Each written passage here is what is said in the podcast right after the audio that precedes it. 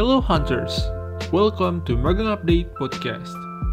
Di sini kita akan membicarakan karir, pengembangan diri, dan hal seru lainnya. Hunters, welcome back to Magang Update Podcast. Gimana nih kabarnya Hunters? Semoga sehat selalu ya. Sebelum aku mulai, aku mau pantun dulu nih, jalan-jalan sama Mayang. Tak kenal maka tak sayang. Halo Hunters, aku Mirza dari tim Business and Partnership Development Magang Update. Nah, di podcast kali ini aku nggak sendirian karena aku ditemenin sama teman-teman aku dari Magang Update Internship Program 11. Boleh saya hai nggak teman-teman? Hai. Hai. Hai. Oke, nah episode kali ini kita bakal bahas tentang serba-serbi magang update acceleration program batch ke-12. Apa sih maksud dari tema kali ini? Nah, seperti yang kita tahu kalau misalkan uh, MUAP atau magang update acceleration batch 12 ini itu udah dibuka mulai tanggal 30 Desember 2021. Jadi tema kali ini kita akan bahas gimana sih serba-serbi dari MUAP ini. Mulai dari definisinya, job desk-nya, proses seleksinya, dan lain-lain. Dari tema tadi, teman-teman kita dari MUIP 11 akan sharing pengalamannya sekaligus memberikan informasi kepada hunters di rumah. Jadi tunggu apa lagi? Yuk sekarang kita kenalan aja sama teman-teman. Halo teman-teman semuanya. Halo. Hai. Halo. Oke, kalau gitu mungkin kita boleh perkenalan dulu kali ya sebelum dimulai. Uh, boleh dari Bagas dulu deh, karena cowok sendirian. Silahkan Bagas perkenalan. Hai, kenalin semuanya. Nama aku Bagas. Aku WordPress developer, magang update. Salam kenal semuanya. Oke, halo Kak Bagas. Oke, selanjutnya mungkin boleh Kak Hafni kenalan sama teman-teman Hunters. Halo semuanya, aku Hafni Hidayah dari konten kreatif and digital marketing Magang Update. Salam kenal. Halo Kak Hafni. Oke, selanjutnya mungkin boleh Kak Sonia kenalan sama kita-kita. Halo Hunter semua, kenalin aku Sonia Nanda dari Project Management Magang Update. Oke, yang terakhir nih ada Kak Ayu. Mungkin Kak Ayu boleh kenalan sama Hai semuanya, kenalin aku Ayu dari Business and Partnership Development sama kayak Mirza. Oke, karena teman-teman dari MUIP 11 udah pada kenalan, mungkin kita bisa langsung masuk ke sesi tanya jawab ya. Nah, teman-teman boleh on mic dulu nggak ya? Uh, biar kita enak juga. Oke, karena udah on mic semuanya. Aku mau tanya uh, pertama kali karena kita judulnya tentang serba-serbi muap, yang pasti aku mau tanya dulu nih, uh, apa sih muap itu? Mungkin Kak Sonia boleh jelasin ke kita. Silahkan. Oke, okay, thank you Mirza. Nah, teman-teman uh, hunter semua di sini mungkin masih bingung gitu. Uh, MUAP itu apa sih? Uh, mungkin aku jelasin dulu ya dari uh, kepanjangan dari MUAP sendiri itu adalah Magang Update Acceleration Program. Nah, kalau kita uh, ulik dari kata acceleration-nya sendiri uh, dalam bahasa Indonesia-nya itu artinya percepatan. Jadi uh, pergantian nama yang kemarin MUIP ke MUAP ini uh, kita harap uh, kalian atau hunters di sini akan mendaftar sebagai accelerators dapat mengambil langkah untuk mempercepat perjalanan karir kamu semua. MUAP ini memberikan kesempatan buat kamu untuk menjadi bagian dari Magang Update Network dan terlibat langsung sama seluruh seluruh project realnya magang update nih selama kurang lebih tiga bulan. Lewat program ini, kamu juga bisa mengasah kecakapan diri kamu, memperkuat daya saing, dan juga tentunya mempersiapkan diri kamu menuju jenjang karir selanjutnya yang lebih tinggi. Gitu, Kak Mirza. Oke, makasih Kak Sonia untuk penjelasannya. Jadi teman-teman yang ada di rumah, MUAP itu adalah uh, magang update acceleration program, di mana nggak nggak terlalu beda jauh mungkin ya dari program sebelumnya. Nah, tapi mungkin teman-teman hunters di rumah juga masih penasaran apa sebenarnya bedanya gitu ya antara MUAP dan MUIP gitu. Jadi mungkin aku boleh minta tolong Kak Ayu untuk menjelaskan jadi uh, perbedaan antara MUAP dan MUIP itu apa sih Kak? Oke, okay. jadi apa bedanya magang update acceleration program sama magang update internship program? Kayak kita-kita di sini lagi intern. Sebenarnya nggak jauh berbeda sih, Hunters, karena ini tuh tahun baru ya, suasana baru. Kita juga berusaha untuk mengkomunikasikan tujuan dari Magang Update melalui branding nama baru.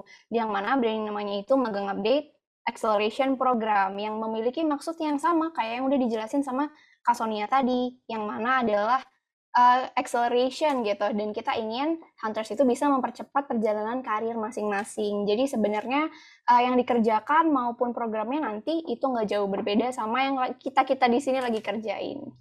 Gitu Kak Mirza. Oke, thank you Kak Ayu untuk penjelasannya. Nah, jadi kalau uh, kesimpulan dari yang disampaikan Kak Ayu tadi sebenarnya nggak ada bedanya. Cuma uh, dari segi job desk dan lain-lainnya mungkin uh, nggak beda jauh juga kayak gitu. Mungkin lebih ke definisi dan singkatan namanya aja yang beda kayak gitu. Nah, oke, okay. karena tadi udah dijelasin juga uh, sedikit tentang perbedaan MUAP dan MUIP. Uh, perbedaannya tuh uh, nggak terlalu jauh, mungkin terletak di singkatannya aja sama definisinya aja. Tapi dari segi uh, job desk-nya itu uh, sama aja kayak MUIP atau magang update internship program. Nah, kalau misalkan tadi kita udah bahas nih tentang definisi dan perbedaannya, sekarang kita bahas tentang job desk-nya. Nggak mungkin dong kita apply suatu program, tapi kita nggak tahu uh, job desk dari divisi itu sendiri itu gimana sih, gitu kan.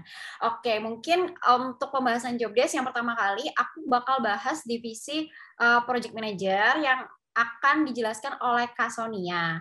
Oke, Kak Sonia. Jadi, uh, pertanyaan pertamanya itu adalah job desk seorang project manager itu apa aja ya, Kak? Oke, menarik nih buat hunters di sini mungkin uh, pengen jadi project manager gitu ya atau menjadi bagian dari project management. Sebenarnya uh, job desk utamanya tuh singkat, uh, ada tiga poin yang aku highlight. Cuman memang hmm, tanggung jawabnya besar gitu. Yang pertama adalah uh, menentukan kebijaksanaan pelaksanaan project. Yang kedua, memimpin, mengkoordinir, dan melaporkan kepada CEO terkait dengan kegiatan yang sudah kita laksanakan ataupun akan kita laksanakan. Dan yang terakhir adalah membuat dan juga mengatur perencanaan kegiatan operasional pelaksanaan proyek. Kayak gitu, Hunters. Mungkin uh, terdengar singkat gitu ya, tapi uh, ketika prakteknya nanti uh, hunters di sini yang menjadi project manager uh, harus terlibat uh, dalam perkembangan masing-masing tiap divisinya kayak gitu. Oke, terima kasih Kak Sonia penjelasannya. Wah, berarti tanggung jawabnya project manager itu cukup besar ya? Nggak cukup besar sih, besar maksudnya. Oke, mungkin uh, itu tadi penjelasan sedikit tentang job desk-nya. Nah, uh, aku mau masuk nih ke hal yang lebih spesifik. Nah, skill apa sih yang dibutuhkan seorang project manager gitu untuk bisa hmm. jadi PM terutama di magang update? Oke, kalau skill spesifik sebenarnya nggak ada ya, cuma uh, satu hal skill yang paling dibutuhin itu adalah uh, leadership gitu. Nah, leadership di sini leadership yang kayak gimana sih? Yang pertama itu uh, yang agile gitu. Agile itu adalah uh, kita dapat menyesuaikan keadaan, adaptif gitu. Apa pun keadaannya, mau ada masalah, mau ada uh, rintangan atau apa pun itu, kita harus dapat merespon dengan positif gitu. Jadi teman-teman di sini yang nantinya sebagai project manager ketika dihadapkan dalam keadaan yang sulit ataupun yang uh, nggak biasa, teman-teman harus belajar keluar dari zona nyaman untuk uh, adaptif tadi. Lalu leadership yang kayak gimana lagi selain agile, teman-teman juga harus uh, punya kemampuan manajemen gitu. Di sini teman-teman nanti akan menghandle beberapa tim atau divisi gitu yang nantinya teman-teman uh, harus memastikan uh, tiap divisi ini berjalan seirama sesuai dengan tujuan uh, utama dari magang update ataupun project-projectnya gitu. Jadi selain agile dan manajemen tadi, yang terakhir banget adalah tanggung jawab gitu. Jadi usahakan ketika menjadi seorang project manager ini apa pun keadaannya harus memiliki rasa tanggung jawab. Jadi nggak meninggalkan pekerjaannya ataupun tiba-tiba menghilang gitu. Jadi teman-teman harus bisa uh, ngecover hal-hal yang tidak bisa terduga gitu nantinya Kak Mirza.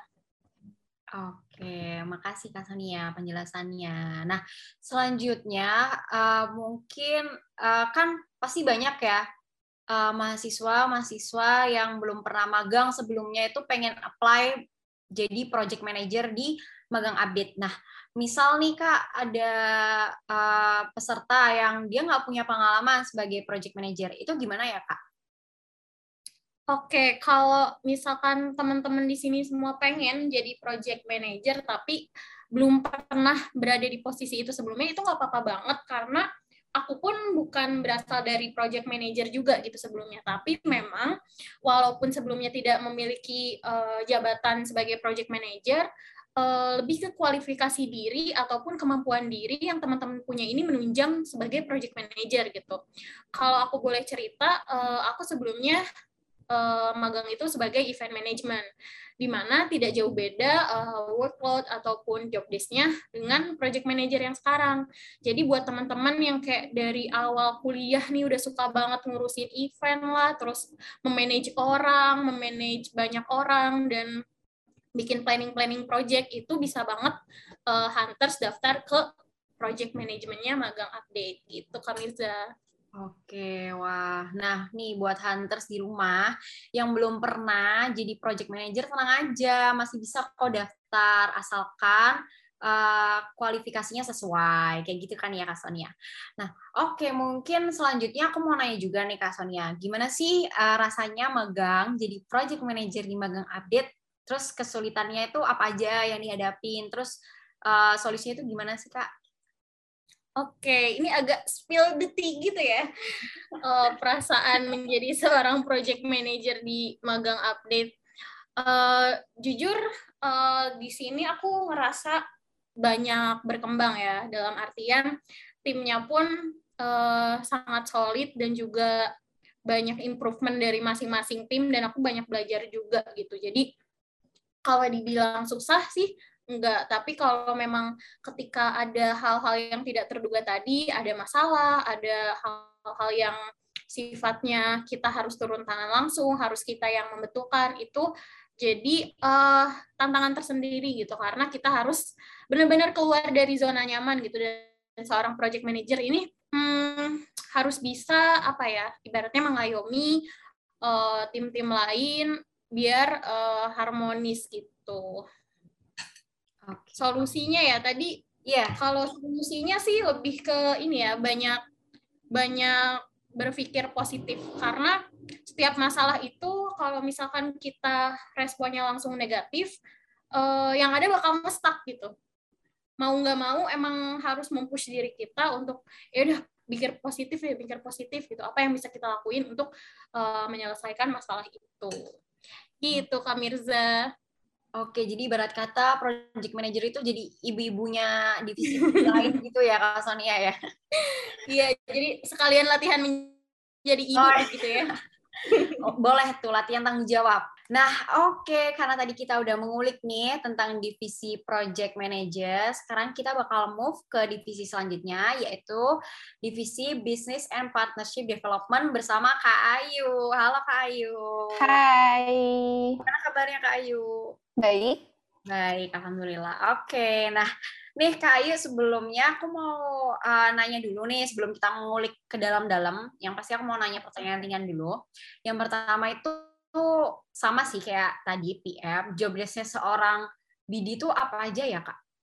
Oke, okay. basically sebenarnya job desk-nya BD itu ngapain sih? Kalau misal hunters googling gitu ya, sebenarnya business development tuh tugasnya apa gitu. Biasanya intinya seorang business development itu dia tuh harus menciptakan value gitu buat tem tempat di mana dia berada, gimana caranya lewat ngembangin relasi, ngembangin pasarnya, ngembangin uh, program-programnya gitu. Dan itu juga yang dilakuin tadi kan Miza nanya ya job desk-nya apa. Kemudian kalau di magang update ya itu juga yang dilakukan oleh tim Didi dengan cara uh, kita jadi terbagi dari dua nih. Yang pertama lewat partnership-nya dan lewat program development-nya gitu. Jadi kalau teman-teman tahu nih ada ada IG Live, ada podcast yang kayak kita lakuin sekarang, kemudian ada webinar, ada Magang Update Academy, itu salah satu upaya tim Didi untuk menciptakan value buat magang update. Jadi itu yang dilakuin dan gimana sih bisa uh, terus kalimat partnershipnya di sebelah mana ya dari situ juga kita selain handle partnership yang masuk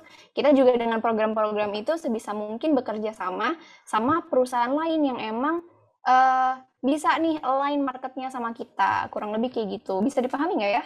Bisa lah ya, harusnya nih kandidat-kandidat yang mau daftar harusnya udah kece lah ya, Mir. Iya, makanya itu pasti udah pada searching-searching juga nih, kayak pasti bidinya Bang Abdi itu ngapain sih kayak gitu. Nah jadi itu ya teman-teman kurang lebih penjelasan tentang uh, job desk yang dilakukan oleh uh, divisi BD. Nah selanjutnya nih uh, aku mau tanya nih Kayu, misal nih uh, kita nggak punya pengalaman sebagai BD, itu gimana ya? Masih bisa nggak sih jadi BD di Bang Abdi kayak gitu? Oke, sebenarnya kalau misal ngomongin gak punya pengalaman, aku pun gak pernah punya pengalaman yang tagline-nya sebagai seorang business and partnership development gitu. Tapi uh, seperti yang udah aku sebut tadi tuh job desk-nya kayak kita berhubungan dengan external parties atau partner luar. Jadi teman-teman bisa uh, mainin bukan mainin sih, bisa ingat-ingat aja pengalaman apa sih yang udah pernah teman-teman lakuin yang berhubungan dengan uh, developing sebuah program, terus crafting sebuah program gitu. Kemudian pernah nggak sih punya pengalaman yang ada touch point-nya sama partner-partner luar gitu atau partner-partner eksternal. Pernah nggak sih uh, kerjasama pitching project gitu-gitu? Nah biasanya dari hal-hal itu aku yakin teman-teman tuh tetap bisa gitu untuk apply di business and partnership development magang update. Karena itu hal yang sama sih Oke, nah itu teman-teman. Jadi buat teman-teman yang uh, sekiranya belum punya pengalaman nih sebagai BD, itu masih bisa kok daftar. Sekali lagi, seperti yang kata Kak Sonia waktu sebelumnya, semuanya itu tergantung dari uh, pengalaman dan kualifikasi kalian sendiri, kayak gitu. Oke, mungkin uh, pertanyaan selanjutnya nih, Kak Ayu. Jika diterima sebagai BD di magang update, benefitnya itu apa aja sih? Jika diterima sebagai BD mengambil benefitnya apa? Uh, menurut aku yeah. ya benefit yang paling seru tuh ya Mir. Karena kita ada di departemen dan divisi yang sama ya benefit paling seru tuh ketemu stakeholder dari berbagai macam company. Oh ya, ya sih. hmm, ketemu stakeholder ketemu mentor terus ketemu speaker. Yang mana itu tuh orang-orang hebat orang-orang yang emang kita tuh bisa gitu loh belajar pengal belajar dan dapetin pengalaman yang udah mereka lalui di posisi mereka untuk ya untuk sebuah masukan gitu buat kita. Dan menurut menurut aku itu uh, pengalaman yang paling seru gitu. Bukan paling seru sih paling banyak banget uh, value-nya buat aku. Terus selain itu uh, karena nanti kalau BD beda sama mungkin beda sama PM tadi. PM kan sendiri ya. Kalau BD tuh kita bakal bareng-bareng gitu. Jadi working in a team menurut aku dinamika untuk kerja secara singkat terus bareng tim yang baru kenal menurut aku itu juga challenging. Dan benefitnya adalah kalau kita bisa melalui hal itu berarti bagus nih kita tim manajemennya ya kan. Terus ya. habis itu uh, hal lain juga kita banyak banget belajar tentang build project tuh seperti apa, build program tuh seperti apa, kemudian gimana sih caranya kita supaya bisa pitching dan bergaining tuh dengan um, tetap mempertahankan bergaining position kita. Jadi kayak hal-hal seperti itu yang uh, technically belum pernah aku dapetin sebelumnya sih. Jadi menurut aku itu benefit yang luar biasa. Roller coasternya ya yuk. Iya roller roller coasternya di situ ya Mir? Iya benar relate ya relate. Iya relate. Oke selanjutnya nih mungkin pertanyaan terakhir ya soal divisi BD uh, di BD itu ada target bulanannya yang harus dicapai nggak sih kayu Oke, jadi aku tadi di depan udah sempat mention untuk program development yang kita lakuin tuh mungkin ya lumayan ya. Tapi sebenarnya itu bukan target bulanan karena uh, kita nggak punya target bulanan, tapi kita mengerjakan program berdasarkan timeline yang udah kita set sendiri. Jadi kita bisa tahu nih dinamika kerja kita harus seperti apa, terus goals apa yang mau kita capai, dan uh, dari situ yang udah kita set satu tim ya yang kita kerjakan. Jadi nggak perlu khawatir kayak aduh nanti bisa nggak ya aku capai target bulanannya, atau aku kalau nggak capai target bulanannya ada penaltinya nggak ya kayak gitu. Nah itu tuh nggak perlu khawatir ya kan aku sama iya. Mirza pun juga kayak gitu gitu di awal kita kita sendiri yang memainkan dinamika tim iya. kita bener banget santai kok guys benar-benar seru banget kerjanya tuh kayak apalagi uh, teman-teman setim kita itu umurnya nggak beda-beda jauh jadi seru banget kayak kerja sama teman aja gitu betul banget hmm. oke okay. Terima kasih Kak Ayu penjelasannya tentang divisi Business and Partnership Development. Uh, semoga teman-teman Hunters di rumah semuanya paham dengan penjelasan dari Kayu ya. ditunggu ya di BD. oke. Nah, oke okay, Hunters, mungkin selanjutnya kita bisa move ya ke uh, job desk dari divisi uh, selanjutnya yaitu ada konten kreatif and digital marketing bersama Kak Hafni. Halo Kak Hafni. Halo Kak Mirza. Oke, nah Kak Hafni mungkin aku langsung aja ya ke pertanyaan pertama. Uh, jadi itu aku mau nanya nih, sebenarnya job desk dari seorang konten uh, kreatif and digital marketing itu apa aja ya Kak? Um, jadi konten kreatif and digital marketing itu ada beberapa job di dalamnya. Yang pertama ada konten kreator, terus juga copywriter, terus juga graphic design, dan yang terakhir itu video kreator. Jadi seluruh konten yang diupload di semua platform dari Magang Update itu yang mengurus dari divisi konten kreatif and digital marketing alias CCM gitu Kak Mirza. Oke, Kak Hami, terima kasih ya jawabannya. Mungkin uh, pertanyaan selanjutnya aku akan lebih spesifik ya. Uh, pertanyaan selanjutnya itu, apakah seorang konten kreatif uh, hanya membuat konsep konten atau juga berperan uh, sebagai seorang talent? Ya? Oke, seorang konten kreatif, terutama semua yang ada di CCM, itu bakalan membuat konsep konten yang berdasarkan dari riset yang dibutuhin nih sama apa sih audien-audien kita gitu.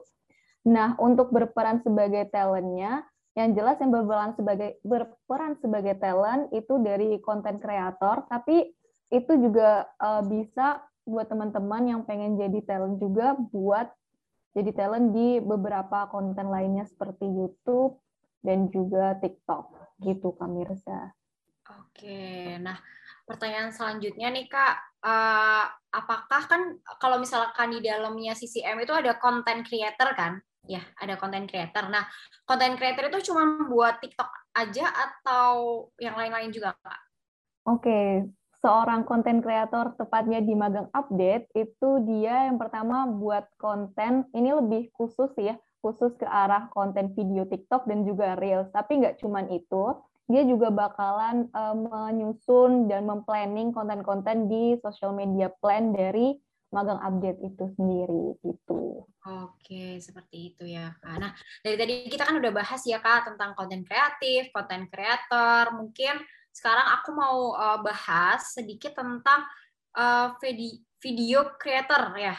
Kalau mungkin ya, di sebelumnya di MUIP 11 itu video editor kali ya. Dan sekarang di MUAP di batch ke-12 itu diganti jadi video creator. Nah, untuk video creator sendiri nih Kak, itu sebenarnya job desk-nya kayak gimana ya? Apakah sama kayak video editor atau ada perubahan kayak gitu? Oke, di MUIP 11 ini kan adanya video editor, tapi nanti buat di MUAP 12 dia bakalan jadi video creator. Kenapa berbeda? Uh, karena yang dulu itu uh, hanya konsep dan juga uh, editing aja. Untuk talent tidak dari video editor, tapi karena kita sekarang lebih improve untuk di YouTube-nya, jadi untuk job desk-nya berubah jadi konten kreator. Di situ dia bakalan meriset konten, membuat konten untuk YouTube khususnya, dan juga uh, menjadi talentnya gitu Kak Mirza.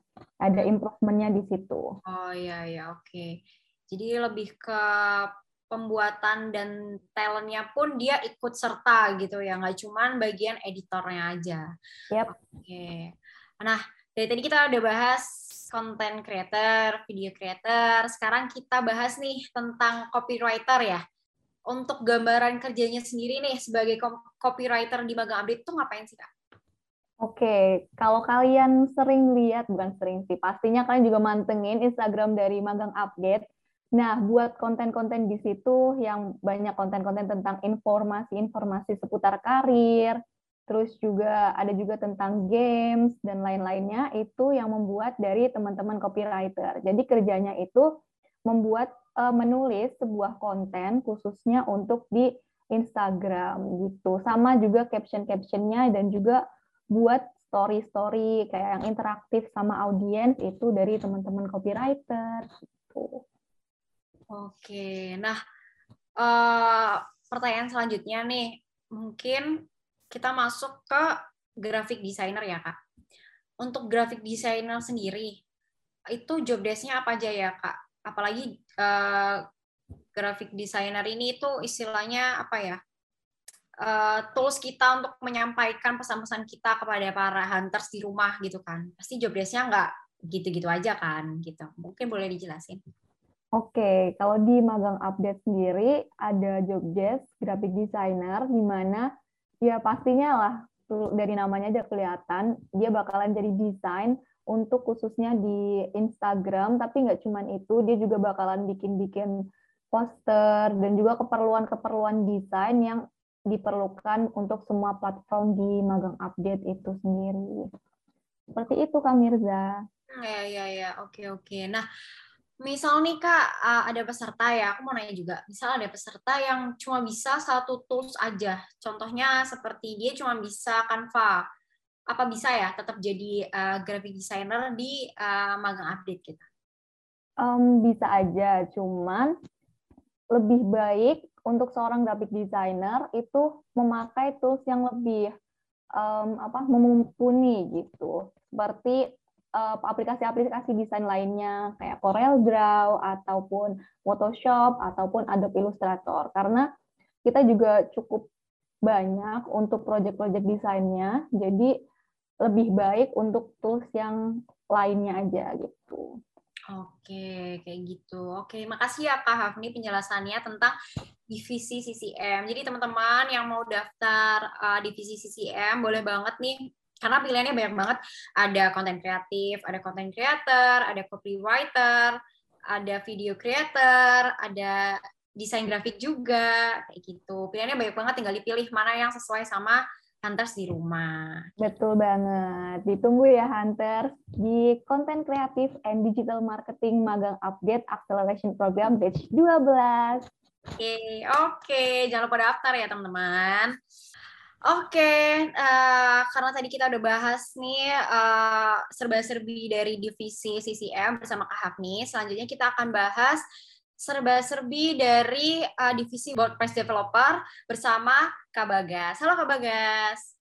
Halo Kak Mitra. Oke, nah Kak Bagas apa kabar nih? Alhamdulillah aku sehat. Oh ya, sehat ya Kak Bagas. Alhamdulillah. Nah, jadi uh, untuk pertanyaan pertama nih Kak Bagas, aku mau nanya uh, job desk dari WordPress developer sendiri itu apa ya? Dan WordPress developer itu ngapain sih? Gitu. Oke, tadi pertanyaannya apa sih job desk dari WordPress developer ya? Jadi sebenarnya untuk job desk sendiri intinya adalah WordPress developer itu mempunyai job desk untuk improve dan maintain web magang update, yaitu magangupdate.id itu job desk intinya nih. Cuman kalau misalnya kesehariannya gimana sih? Kalau kesehariannya itu WordPress developer itu punya job desk yaitu manage web content sama manage database-nya. Terus juga kalau misalnya magang update itu punya project seperti webinar atau project lainnya, itu juga WordPress developer akan bantu kalau misalnya ada hal-hal yang terkait dengan website magangupdate.id.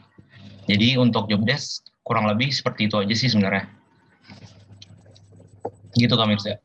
Oke, okay, thank you Kak Bagas penjelasannya. Nah, jadi teman-teman di rumah, uh, singkatnya WordPress developer itu uh, divisi yang ngurusin websitenya megang update gitu. Kalau misalnya kan ada acara-acara, itu kan harus di apa ya disesuaikan, diimprove gitu supaya para peserta yang ingin mengikuti acara itu mudah. Nah, Selanjutnya nih Kak, pertanyaannya, uh, seru nggak sih magang jadi WordPress developer di magang update? Um, kalau menurut aku sih secara overall ya seru. Kenapa seru? Karena aku merasa jadi WordPress developer di magang update itu aku dapat banyak pengalaman sama dapat banyak ilmu baru juga yang nggak aku tahuin sebelumnya. Jadi ya itu secara overall seru. Oke. Kalau boleh tahu pengalamannya apa aja sih kak yang didapat sebagai WordPress developer di magang update? Kalau pengalaman apa aja yang dapat itu juga banyak, tapi mungkin aku mau highlight pengalaman yang menurut aku tuh paling penting, yaitu aku tuh dapat pengalaman bahwa aku tuh tahu WordPress developer itu kesehariannya itu ngapain sih. Kalau misalnya di perusahaan-perusahaan, terutama perusahaan magang update yang kesehariannya itu nge-share lowongan magang. Aku jadi tahu kerjaan yang ngapain dan soalnya aku tuh awal-awalnya cuma mikir kalau misalnya WordPress developer tuh um, pokoknya ya ngembangin website lah atau istilah gampangnya buat website cuman nggak uh, lebih dari itu jadi gitu sih oke Oke, jadi itu teman-teman Hunters di rumah pengalaman jadi WordPress development di Manga Update. Nah, uh, makasih Kak Bagas kesempatannya udah bantu jawab pertanyaan dari kita. Semoga uh, informasi dan pengalaman yang sudah dijelaskan oleh Kak Bagas dan teman-teman sekalian bermanfaat ya buat hunters di rumah. Nah, dari tadi kita udah ngomongin nih mulai dari definisi muap 12 itu gimana, terus job desk job desk dari divisi-divisinya itu gimana. Oke, nah sesi selanjutnya nih, mungkin ini sesi yang paling ditunggu-tunggu ya sama para hunters, di mana kita akan bahas tentang serba-serbi seleksi di MUAP 12 itu kayak gimana sih, kayak gitu. Nah, untuk pertanyaan pertama, aku bakal undang Kak Ayu nemenin aku untuk bantu aku jawab dan jelasin ke teman-teman semuanya. Halo Kak Ayu. Hai, pertanyaan paling ditunggu ya, Mir. Apa tuh? Ya. Nah, jadi uh, pertanyaan paling ditunggu tuh apa aja sih proses seleksi untuk menjadi uh, MUAP 12 gitu. Oke, proses seleksinya gimana? Sebelumnya pastikan teman-teman udah baca dulu bukletnya ya, karena ini udah secara jelas di highlight ada di buklet gimana di mana alur seleksinya itu ada tiga tahap. Sekarang kita bak ada di tahap pertama, tahap open registration magang update acceleration program batch 12 sampai nanti tanggal 5 Januari. Jadi pastiin teman-teman jangan sampai terlewat ya karena uh, kita bakal tutup tuh nanti di tanggal 5 Januari. Kemudian setelah di tahap pertama ini teman-teman bisa cek sendiri langsung di formnya kebutuhan apa yang diperlukan, CV, motivation letter, portofolio boleh didalami didalami dulu dan dipersiapkan dulu.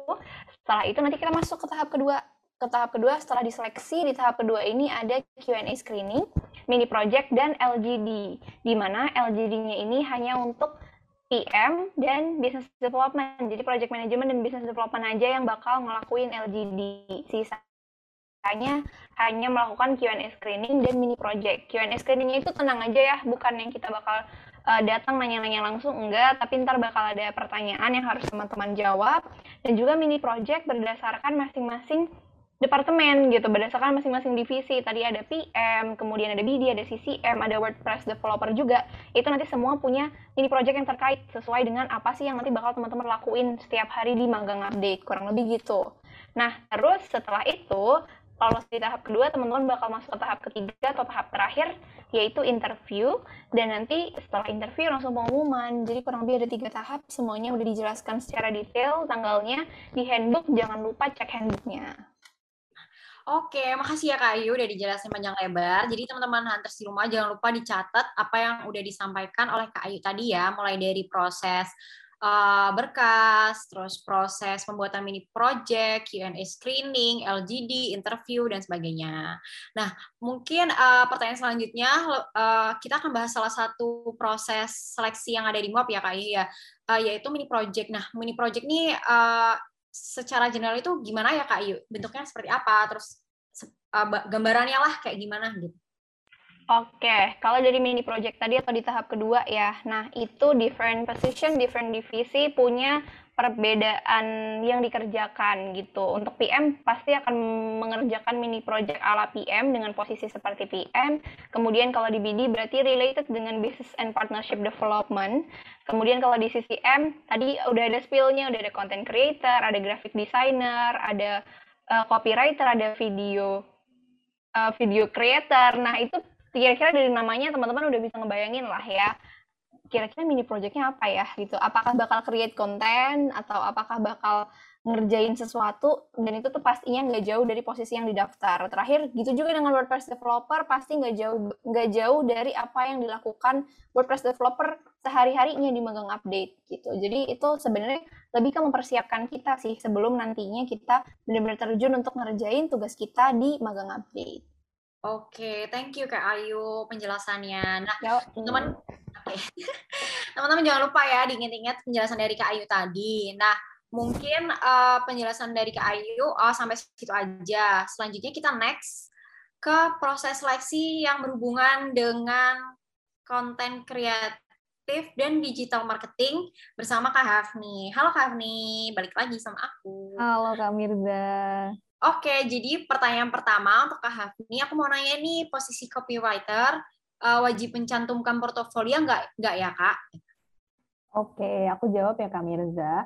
Bu, uh, sebenarnya nggak cuma copywriter aja, untuk keseluruhan posisi seperti content creator, video creator, terus juga graphic design dan copywriter yang ada di Departemen Content Creative and Digital Marketing atau CCM itu harus untuk mencantumkan portofolionya gitu kan. Semuanya. Oh, jadi wajib ya hukumnya ya kak ya. Oke, jadi ternyata untuk kok portofolio copywriter itu wajib ya kak hukumnya. Nah, yep. untuk pertanyaan selanjutnya nih kak, jika tidak punya pengalaman sebagai copywriter, portofolionya dalam bentuk apa ya? Jadi pertanyaan masih seputar tentang copywriter. Oke. Untuk seorang copywriter, kalau tidak ada pengalaman atau portofolio sebagai seorang copywriter dulunya, itu bisa uh, mencantumkan beberapa tulisan yang udah pernah kalian buat atau bahkan caption-caption yang dulunya udah pernah kalian bikin itu bisa kalian jadiin sebuah portofolio gitu nggak harus berpengalaman sebagai seorang copywriter dulunya tapi apa sih yang udah pernah kalian tulis itu bisa dijadiin portofolio gitu. Oke, makasih Kak Hafni jawabannya. Nah, selanjutnya pertanyaannya uh, seputar graphic designer nih Kak. Jadi pertanyaannya itu komponen apa aja yang ada di dalam portofolio graphic designer? Oke, yang jelas untuk portofolio di graphic design itu kalian bisa memaparkan apa aja sih desain yang udah pernah kalian buat, mungkin dalam bentuk feeds ataupun dalam bentuk poster ataupun dalam bentuk misalnya kalian dulu pernah ngedesain desain baju atau kaos atau baju angkatan gitu, itu bisa banget buat dijadiin portofolio. Yang setidaknya tuh menggambarkan kayak ini loh aku tuh bisa ngedesain gitu. Oke, nah teman-teman hunters di rumah jangan lupa dicatat ya apa kata Kak tadi, karena penting banget tuh buat tahu uh, apa aja isi portofolio untuk daftar graphic designer di Magang Update. Nah, pertanyaan selanjutnya uh, ada kayak gini Kak, untuk posisi graphic designer, CV-nya itu harus ATS friendly atau boleh kreatif ya Kak? Oke, untuk CV-nya boleh ATS ataupun kreatif, tapi uh, biasanya karena untuk bidang-bidang yang berhubungan sama kreatif, apalagi dalam bentuk desain, uh, untuk mencondongkan kalau uh, kamu adalah seorang desain, itu bisa banget buat dipakai CV yang kreatif. Jadi kita semua uh, sekali lihat tuh udah langsung tahu nih, oh ini anak bisa untuk ngedesain. Itu Kak Mirza. Oke, benar banget sih. Jadi supaya kita tahu ya nih orang kreatif apa enggak itu bisa dilihat dari CV-nya kayak gitu. Nah, Betul. Nah, terakhir nih aku mau nanya ke Kak Bagas. Uh, ya.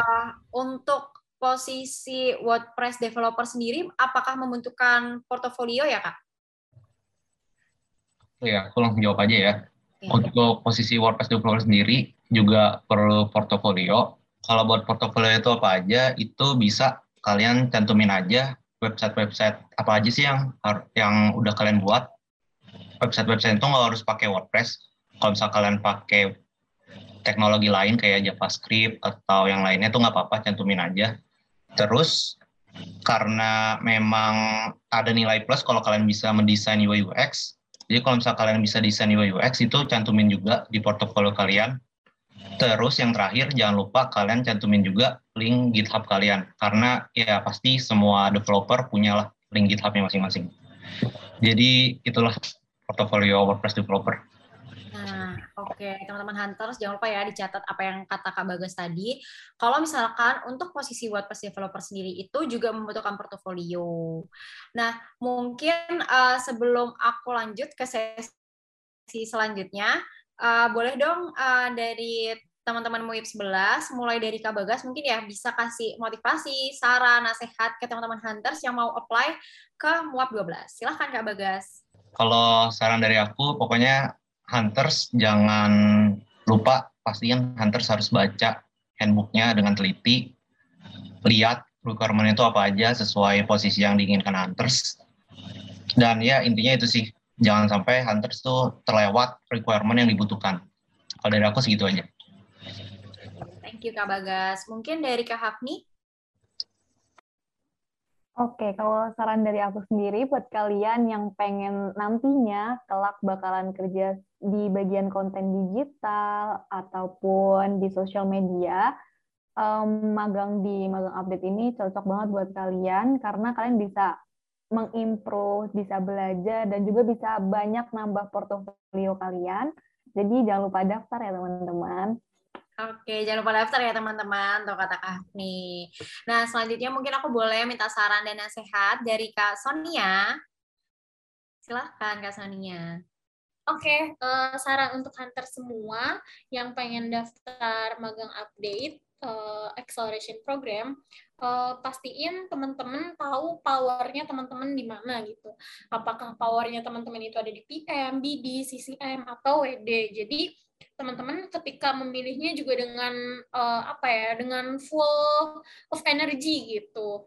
Kayak gitu sih, Kak Mirza. Oke, okay. makasih Kak Sonia. Mungkin dari Kak Ayu bisa kasih saran nasihat dan motivasi? Oke, okay, jadi kalau saran dari aku, singkat aja karena tadi yang lain udah mention, yang pasti have courage alias punyalah keberanian buat ambil kesempatan ini, karena seperti namanya, Magang Update Acceleration Program Tour nanti will help you to accelerate your career alias semoga bisa jadi batu loncatan yang mempercepat karir kalian nanti ke depannya. Jadi jangan lupa untuk diambil kesempatannya, kalaupun kalian belum pernah punya pengalaman, ya jadikan ini tempat untuk cari pengalaman gitu. Oke, mungkin saran dan nasihat, motivasi dari Kayu akan menjadi penutup kita hari ini. Karena nggak kerasa kita udah ada di penghujung diskusi kita ya. Nah, aku mau ngucapin terima kasih nih ke teman-teman WIP 11. Makasih ya Kak Bagas, Kak Ayu, Kak Sonia, dan Kak Hafni yang udah mau berbagi informasinya tentang MUAP 12 nanti. Jadi Hantas di rumah udah gak kebingungan lagi nih aku harus ngapain sih, apa yang dibutuhin, MUAP nih apa sih, kayak gitu kan. Nah, uh, aku juga uh, mau makasih buat teman-teman Hantas di rumah yang udah mau luangin waktunya buat uh, dengerin podcast kita kali ini yang tentunya seru banget, uh, berisi banyak tips dan motivasi yang uh, menarik. Uh, sebelum kita akhiri juga, aku mau uh, mengingatkan Hunters, jangan lupa untuk follow uh, Instagram dan TikTok at magang update untuk info mengenai lowongan magang lebih lanjut. Jangan lupa juga untuk dengerin podcast episode sebelumnya, karena topik yang diangkat itu uh, juga gak kalah seru dan menarik. Iya nggak sih, teman-teman? Yoi. Ya, gak kalah menarik banget. Jadi aku, Mirza Eka Putri, uh, selaku host, pamit undur diri. Sampai jumpa di episode selanjutnya. Have a good day, Hunters. Dadah. Yeay, dadah, dadah Hunters. Dadah, Hunter.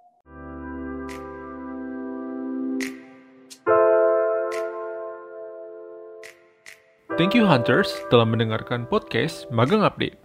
Jangan lupa play episode lainnya dan tunggu episode baru lainnya di Magang Update Podcast.